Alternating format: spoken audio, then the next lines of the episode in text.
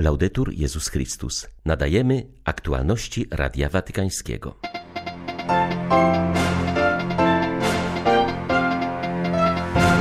Nie módl się jak papuga, wzywaj Ducha Świętego, radził papież na audiencji ogólnej. Polakom Franciszek przypomniał o rozpoczynającym się jutro roku rodziny, zaapelował też o powstrzymanie przemocy w Birmie.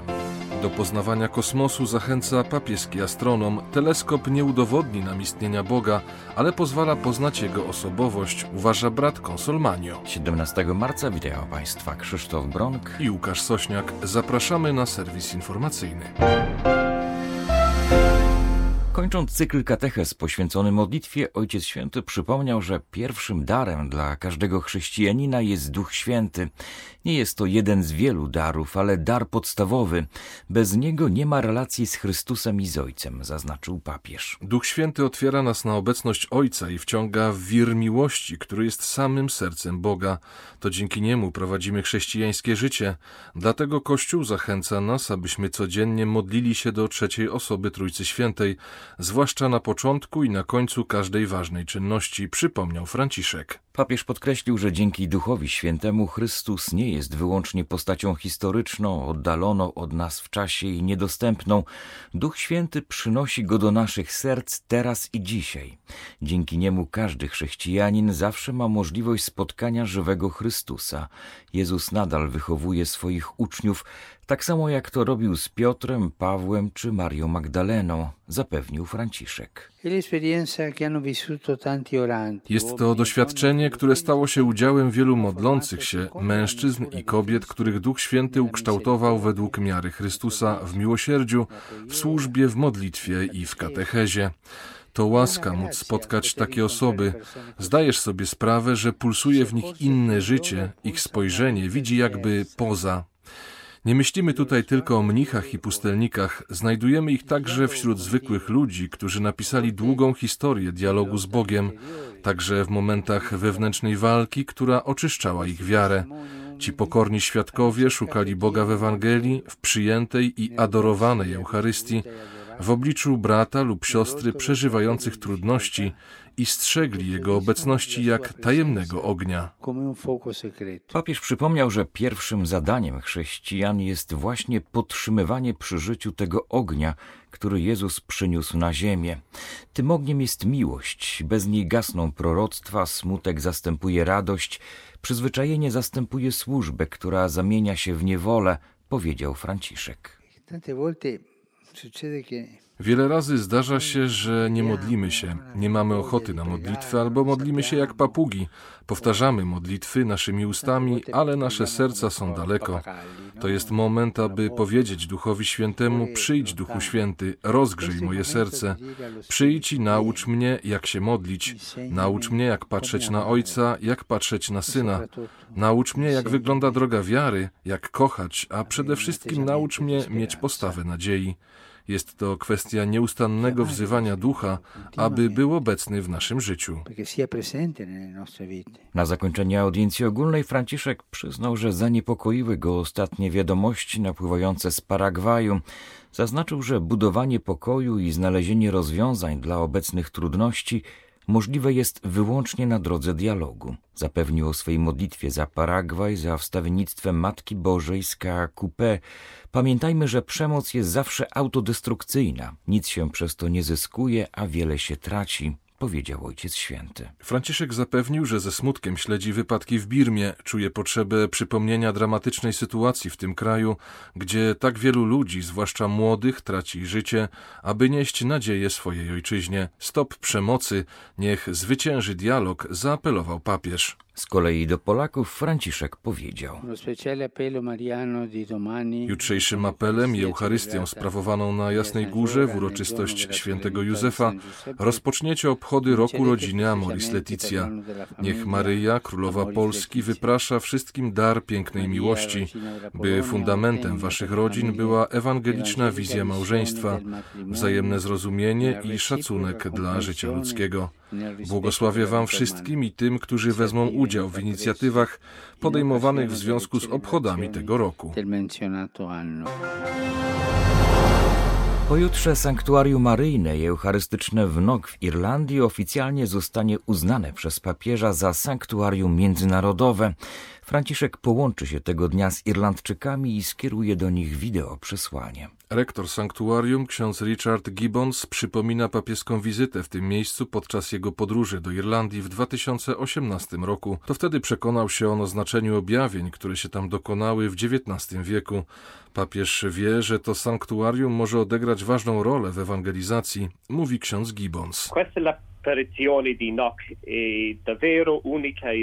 Objawienia w Nok były wyjątkowe i piękne. O godzinie 8 wieczorem 21 sierpnia 1879 roku na ścianie kościoła pojawiło się wielkie światło. Dostrzegli to mieszkańcy tej małej wioski. Przybyli na miejsce, aby zobaczyć, co się stało. Ujrzeli Matkę Bożą, której towarzyszył z jednej strony święty Józef, a z drugiej Jan Ewangelista z księgą Ewangelii w ręce. W centrum wizji znajdował się ołtarz, a nad nim przebity, lecz żywy baranek. Byli też aniołowie, którzy adorowali baranka.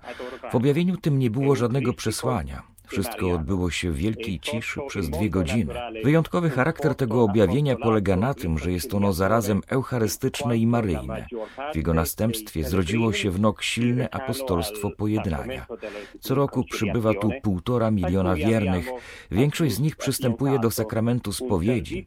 Towarzyszy temu również posługa pocieszenia dla tych wszystkich, którzy chcą pogłębić doświadczenie uzdrowienia sakramentalnego. Watykan zajmuje się kosmologią, gdyż to Bóg jest autorem kosmosu, a więc poznanie go jest sposobem na zbliżenie się do Stwórcy, mówi jezuita brat Guy Consolmanio, dyrektor Obserwatorium Watykańskiego podczas wirtualnego seminarium dla wykładowców i studentów Loyola Marymount University w Kalifornii. Ze swojego biura w Watykańskim Obserwatorium, znajdującego się na szczycie Mount Graham w południowo-zachodniej Arizonie, papieski astronom udowadniał, jak pasja do astrofizyki może łączyć się harmonijnie z wiarą katolicką. Jeśli poznajemy kosmos zarówno rozumem i sercem, to jesteśmy w stanie znaleźć w nim Boga. Jeśli użyjemy tylko jednego z tych sposobów, to nasz obraz Stwórcy będzie zawężony i fałszywy, przekonywał papieski astronom. Nie odkryjesz istnienia Boga dzięki teleskopowi, ale może on pomóc poznać jego osobowość, dodał jezuita. Zgromadzonym przed ekranami komputerów studentom pokazał zdjęcie z teleskopu w Arizonie przedstawiające gromadę galaktyk. Każde światełko na tym zdjęciu to miliardy gwiazd i planet, a są setki miliardów takich galaktyk, które możemy dostrzec, mówił papieski astronom. Aby to wszystko ogarnąć, potrzebujemy religii. Uważam, że nauka potrzebuje religii, choć nie każda religia zgadza się z nauką, dodał. Zapewnił, że radość w naukowych poszukiwaniach znajduje właśnie dlatego, że w swojej pracy ma możliwość poznawania Boga. To najważniejsze odkrycie archeologii biblijnej od znalezienia rękopisów z Qumran na przełomie lat 40. i 50. ubiegłego stulecia. Tak o ujawnionym wczoraj odkryciu w Izraelu mówi profesor Marcello Fidancio, dyrektor Instytutu Archeologii i Kultury Ziem Biblijnych. Podkreśla on, że wydarzenie to uświadamia nam, że rekonstrukcja tekstu biblijnego jeszcze się nie skończyła.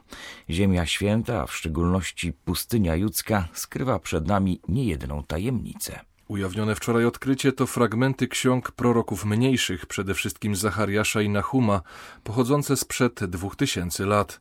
Dla biblistów jest ono o tyle ważne, że dotyczy okresu, w którym kształtowała się ostateczna wersja Pisma Świętego, mówi profesor Fidancio. Są to małe fragmenty, a zatem jest to dość ograniczona liczba wierszy Starego Testamentu spisanego po grecku. Tym niemniej świadczą one, że na początku II wieku utrzymuje się jeszcze to, co uczeni nazywają płynnością tekstu. To znaczy, jest to jeszcze okres, w którym tekst biblijny nie został ostatecznie ustalony. Dzięki tym odkryciom poznajemy mały fragment tej historii, jej nowy wariant. Ciekawe jest to, że w tym tekście spisanym po grecku Imię Boga, te cztery litery, których nie wolno wysłowić, nie zostało napisane po grecku, lecz po hebrajsku, więcej w języku paleohebrajskim, którego używało się w czasach pierwszej świątyni. To nam pokazuje, że podobnie jak w czasach Jezusa, Podchodzono z wielkim szacunkiem do imienia Boga, nie wypowiadano go i na wszelki wypadek, aby uniknąć błędu, zapisywano je w inny sposób przy użyciu innego alfabetu. To świadczy o wielkim szacunku, czy wręcz o sakralności w podejściu do tego tekstu. Wiele wskazuje na to, że w Egipcie odkryto właśnie pozostałości po najstarszym na świecie klasztorze. Według archeologów chrześcijańscy mnisi mieli tam zamieszkiwać już w 350 roku.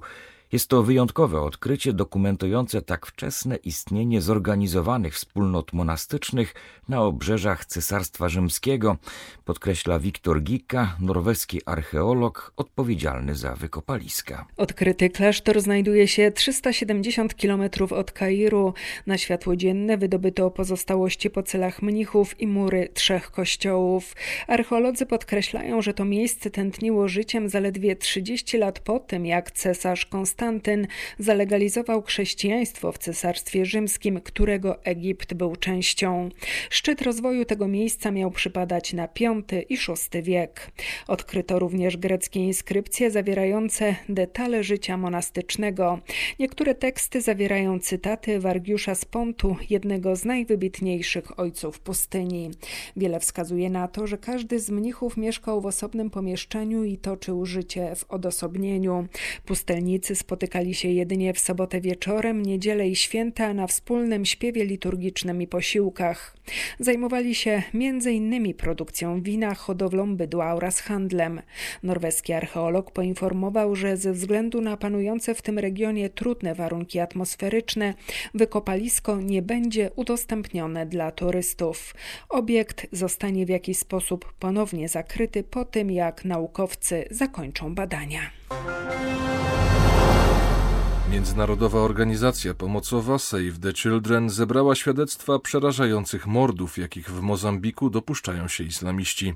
Świadkowie opowiadali o ścinaniu głów nawet dzieciom. Przemoc w prowincji Cabo Delgado szerzy się od 2017 roku, kiedy region opanowali terroryści związani z tak zwanym państwem islamskim.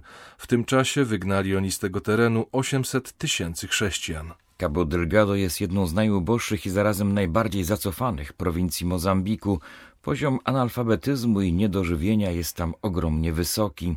Jednocześnie jest to najbogatsza ziemia tego kraju z licznymi zasobami złota, rubinów oraz ogromnymi pokładami gazu ziemnego. Z powodu działań islamistów sytuacja jest tam dramatyczna. Ludzie nie mają co jeść, brakuje wody pitnej i podstawowych lekarstw, mówi Radiu Watykańskiemu Filippo Ungaro Save the Children.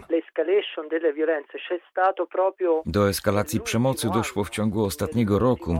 Odnotowuje się coraz więcej ataków na ludność cywilną. Sieją terror, dokonując pokazowych egzekucji na mieszkańcach przez ścięcie głowy. Możemy o tym zaświadczyć, ponieważ rozmawialiśmy z rodzinami uchodźców. Jedna z matek mówiła nam, że widziała, jak islamiści ścinali jej dwunastoletniego syna, podczas gdy ona próbowała uratować pozostałych troje dzieci, chroniąc się w lesie, ponieważ ich wioska została spalona. Wiemy, że niestety także dzieci coraz częściej padają ofiarą przerażającej przemocy. Siłą wcielane są do oddziałów islamskiej milicji, a jak odmawiają, są zabijane. To sianie przemocy pogłębia biedę i kryzys żywnościowy w tym i tak ubogim regionie. Ludności Cabo Delgado grozi głód. Nie mają dosłownie nic. Były to aktualności Radia Watykańskiego. Laudetur Jezus Chrystus.